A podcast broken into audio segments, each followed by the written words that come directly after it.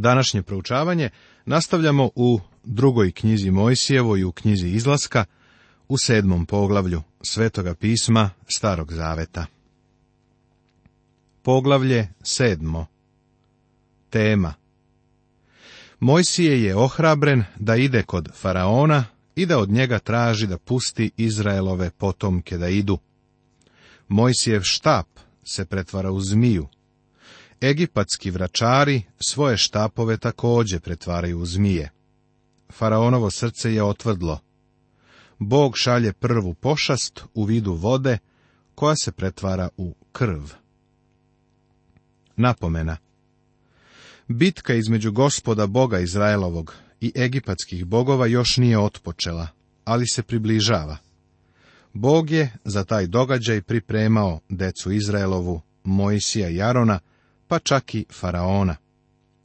Mojsije odlazi da se pojavi pred faraonom, ali će Aron govoriti. Da li je Mojsije bio vezanog jezika? Da li je zamuckivao ili je imao neki drugi govorni nedostatak? Moje lično mišljenje je da je Mojsijev problem bio psihološke prirode. Posle 40 godina provedenih u pustinji, možda se osjećao nepodobnim i možda je strepeo. Bog je međutim želeo da bude vrlo jasno da će on, a ne Mojsije, osloboditi Izraelce. Uzgred da kažem, to je jedan od razloga zašto je Bogu teško da se danas pokrene u životima pojedinaca ili u crkvi. Uvek je tu neka osoba ili organizacija koja dobija na svom ugledu. Kada radimo tako da uvek mi dobijamo na ugledu i poverenju, ne otkriva nam se silna Božja ruka. Bog danas mora da otkloni ljudski faktor, jer on ne može da koristi telo. Bog nam, govoreći kroz apostola Pavla, u poslanici Rimljanima u sedmom poglavlju osamnestom stihu Svetoga pisma Novog Zaveta ovako kaže Znam naime da u meni, to jest u mome telu, dobro ne obitava, jer hteti toga ima u meni, ali činiti dobro, toga nema. Nekim ljudima je teško da veruju da dobar čovek ne postoji, jer bi oni radije računali sa tim, posebno kada je u pitanju nešto hitno. Ali Bog ne želi naše telo. Ne može ga upotrebiti i neće ga upotrebiti. Bog je ostavio telo po strani i sada će Aron govoriti umjesto Mojsija. Obnovljenje Mojsijevog poslanstva. Nastavak. I gospod reče Mojsiju, evo, postavio sam te da si bog faraonu, a Aron brat tvoj bit će prorok tvoj. Ovo je jedna od najfinijih, najboljih definicija proroka. Mojsije će za faraona biti bog. Aron će govoriti umjesto Mojsija. Aron će biti prorok. Prorok je onaj ko govori umjesto Boga, za Boga, onaj ko od Boga ima poruku za narod. Prorok je suprotan svešteniku. On dolazi od Boga i odlazi ka narodu, a sveštenik pred Bogom predstavlja narod. On treba da predstavlja Boga.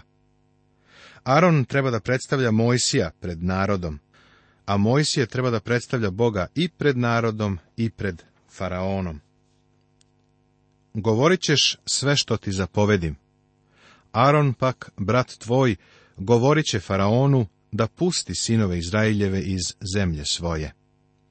A ja ću učiniti da otvrdne srce Faraonu, te ću umnožiti znake svoje i čudesa svoje u zemlji Misirskoj.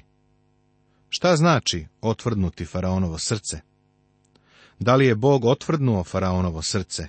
Da, ali na ovaj način – da je faraon bio osjetljiv, prijatan čovek, koji je želeo da se obrati Bogu i koji je bio srećan što će Mojsije osloboditi Izraelce, jer je sam faraon želeo da učini nešto za njih. Tada bi bilo zlobno od Boga da otvrdne srce ovako divnog faraona. Ako je to način na koji ti čitaš prijatelju, onda ne čitaš ispravno. Otvrdnjenje je figurativna reč koja može značiti i uvrtanje, kao uvrtanje konopca. To znači da je Bog uvrnuo faraonovo srce. On je želeo da iz njega iscedi ono što se nalazilo unutra. Bog ga je prisilio da uradi baš ono što je faraon stvarno želeo. Faraon je bio kao današnji političari, koji ne govore ono što stvarno misle. Oni jedno misle, a drugo govore. Faraon nije želeo da pusti Izraelce da odu, ali je želeo da se prikaže kao dobrodušan vladar. Želeo je da svi misle kako je on velikodušan čovek, ali je u vezi sa Izraelom bio vrlo težak i grub. E, zato će Bog Faraona dovesti na sud i prisiliti ga da prizna šta stvarno misli. Postoje izvesni ljudi koje treba izvesti na sud pre nego što su uradili ono na šta su pristali da urade. Jedan preduzimač iz Los Angelesa mi je rekao da je morao da izvede čoveka na sud pre nego što je čovek isplatio ugovor. On ne bi ispunio svoje obaveze sve dok ga zakon ne bi teretio za to. Upravo to je Bog radio sa faraonom. Bog dovodi faraona na sud i kaže, otkrićeš šta je stvarno u tvom srcu, ne možeš jedno govoriti, a drugo raditi. Bog će prisiliti kraljevu ruku u određenoj stvari. Usput da kažem, to je upravo ono što Bog radi sa svakim pojedincem koji će jednoga dana ući u njegovu prisutnost. Videćeš se onakvim kakav si stvarno. Više neće biti kamuflaže. Za neke od nas ovo je baš zastrašujuće, zar ne? I neće vas ipak poslušati faraon. A ja ću metnuti ruku svoju na misir i izvešću vojsku svoju, narod svoj, sinove Izraeljeve iz zemlje misirske sudovima velikim. I poznaće misirci da sam ja, gospod, kad dignem ruku svoju na misir i izvedem sinove Izraeljeve između njih. Drugim rečima, Faraon će stati otkriven, onakav kakav je stvarno, a gospod Bog Izraelov će se također otkriti onakav kakav jeste.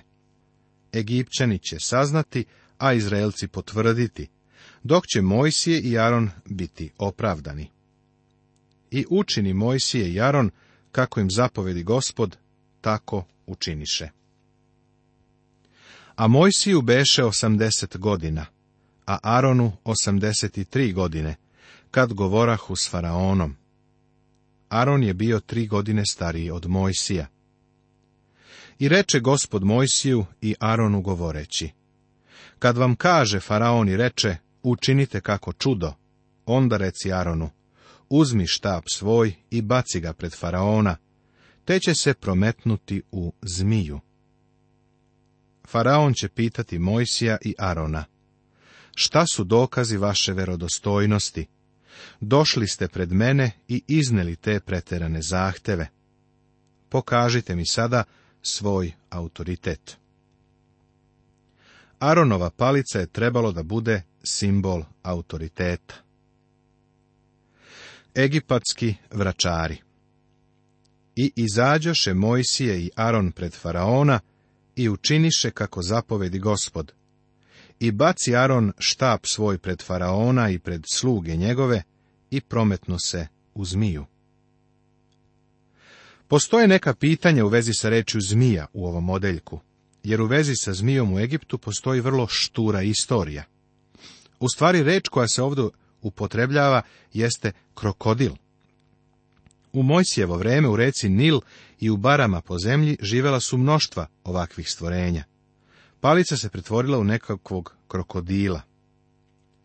Dok budemo proučavali zla, vidjet ćeš da je Bog baratao celim životinskim carstvom. To znači da su egipatski bogovi bili životinje ili ptice ili insekti. Apostol Pavle je o tome pisao kada je rekao Postali su ludi, govoreći da su mudri, pa zameniše slavu besmrtnoga oca, Boga slikom i prilikom smrtnog čoveka i ptica i četvoronožnih životinja i gmizavaca. Ovo je zapisano u poslanici Rimljanima u prvom poglavlju, u 22. i u 23. stihu. Svetoga pisma Novog Zaveta. Egipćani su sve odreda simbolično predstavljali. Uzimali su neku abstraktnu ideju i svodili je na konkretan oblik nekog lika imali su božanstva koja su predstavljala svaku fazu i funkciju života. Ništa nisu propustili. Promenili su monoteizam u politeizam, u mnogoboštvo.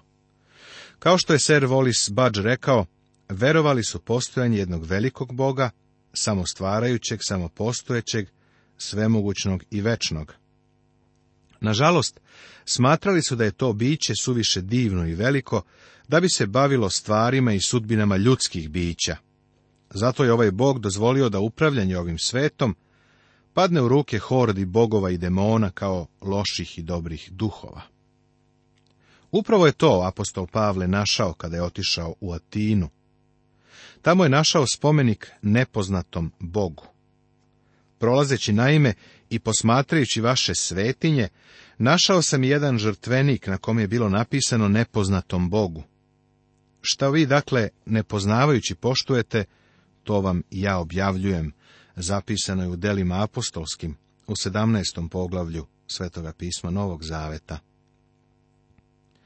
Ako čovek obožava sve te različite bogove, ne može poznavati živog i istinitog Boga. Zato gospod Bog Izraelov napada egipatske bogove da bi pokazao ko je on. Jevrejska reč tanin, koja se u ovom poglavlju prevodi kao zmija, nigde drugde u Bibliji nije prevedena kao zmija. U knjigama proroka Isaije i Jezekilja, svetog pisma Starog Zaveta, prevođena je kao zmaj. Reč je po svom smislu sotonska, pa su verovatno zato prevodioci koristili reč zmija. Uprkos tim razlozima, ostaje činjenica da su Egipćani obožavali krokodila. On je zauzimao značajno mesto u obožavanju i religiji Egipta. Sebak je bio božanstvo zla sa glavom krokodila, a Pepi, stalni zli neprijatelj svih sunčanih bogova, javlja se u formi krokodila. Egipćani su obavljali magijske rituale u hramu Amona Ra, u gradu Tebi. A Pepi je živeo u najnižem delu neba i svakoga dana je nastojao da spreči uzdizanje boga sunca Ra. On je slao munju, grmljavinu, nepogode, bure, orkane, kišu, trudio se da zatamni sunce, tako što je nebo punio oblacima, maglom, izmaglicom i crnilom. Egipatski ritual je bio pokušaj da se uništi Apepi. Ovo je bio istaknut način egipatskog obožavanja i prva stvar protiv koje Bog šalje udarac. Aronova palica se pretvorila u krokodila. A faraon dozva mudrace i vračare, te i vračari misirski učiniše tako svojim vraćanjem. Egipatski vračari ponovili su čudo sa Aronovom palicom. Možda bi bilo bolje reći da su imitirali čudo. Šta god da su uradili i kako god da su to uradili, od toga su napravili vrlo dobru predstavu. Pavle je međutim želeo o tome nešto da kaže. U drugoj poslanici Timoteju u trećem poglavlju Svetog pisma Novog Zaveta. Na isti način kako su se Janije i Jamvrije usprotivili Mojsiju, tako se i ovi protive istini, ljudi izopačena uma, nepouzdani u veri ovi vračari su se suprotstavili živom i istinitom Bogu. I baciše svaki svoj štap i prometnuše se štapovi u zmije, ali štap Aronov proždre njihove štapove. I otvrdnu srce Faraonovo i ne posluša ih, kao što beše kazao gospod. Zanimljivo je da su Egipćani obožavali krokodila i da je Aronov štap progutao njihove krokodile. Ovo je trebalo da na faraona ostavi utisak, ali nije. Faraon je otvrdnuo svoje srce i ostao dosledan svojim utvrđenim putevima. Prvo zlo. Voda se pretvara u krv. I reče gospod Mojsiju, oteža srce faraonovo, neće da pusti naroda. Idi ujutru k faraonu, Gle, on će izaći na vodu, pa stani prema njemu na obali, a štap koji se bio prometnuo u zmiju, uzmi u ruke.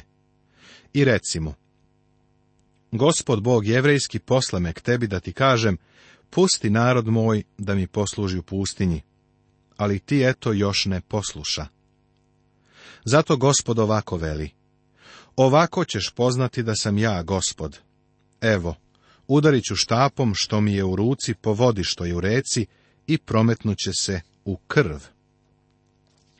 I ribe u reci pomreće, i reka će se usmrdeti, i misirci će se uzmučiti, tražeći vode, da piju iz reke.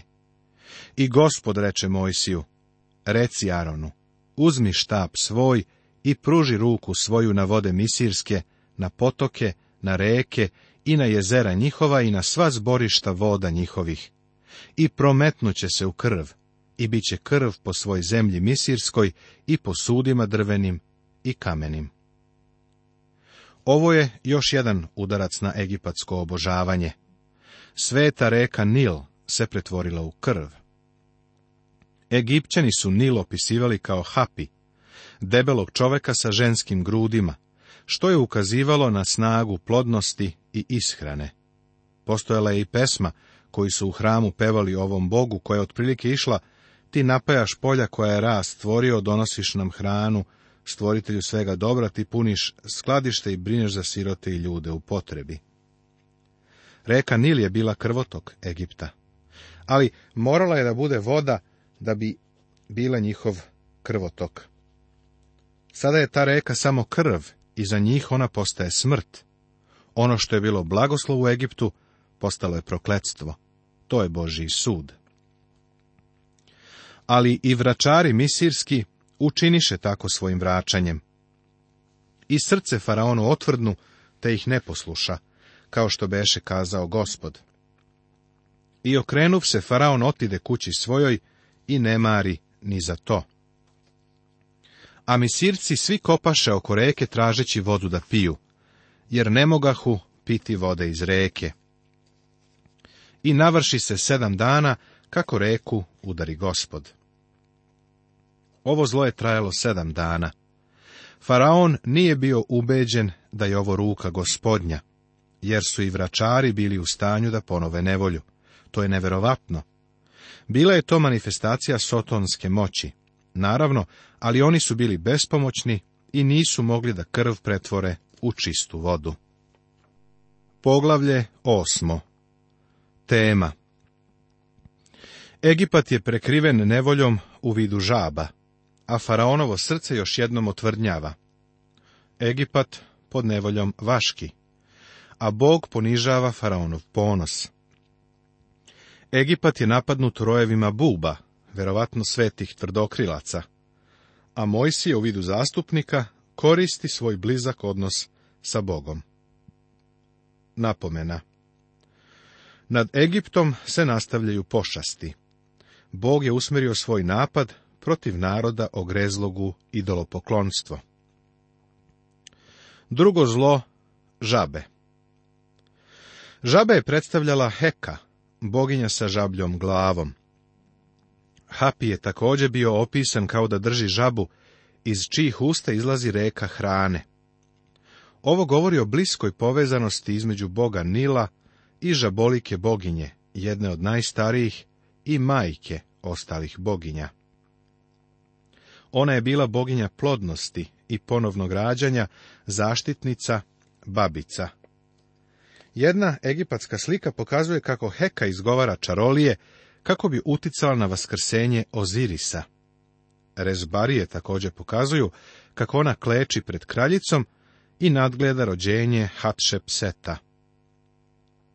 I reče gospod Mojsiju, idi k faraonu i reci mu, ovako veli gospod, pusti narod moj da mi posluži.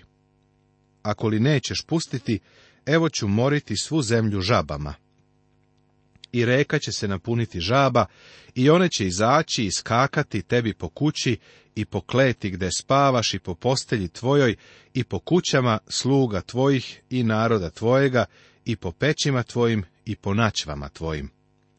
I na tebe i na narod tvoj i na sve sluge tvoje skakaće žabe. I reče gospod Mojsiju, kaži Aronu, pruži ruku svojim štapom na reke i na potoke i na jezera i učini nek izađu žabe na zemlju misirsku. Žabe su bile posvuda, u egipatskim krevetima, kuhinjama, u svakoj prostoriji u kući, u naćvama i rernama. Dok su hodali, hodali su po žabama. Kada bi seli, seli bi na žabe. Bila je to grozna situacija. Jedna žaba nije mogla sama mnogo da učini, ali je mnogo žaba prouzrokovalo puno potištenosti i straha ali naravno žabe su bile svete, pa ih nisu smeli ubijati. Nastavit će se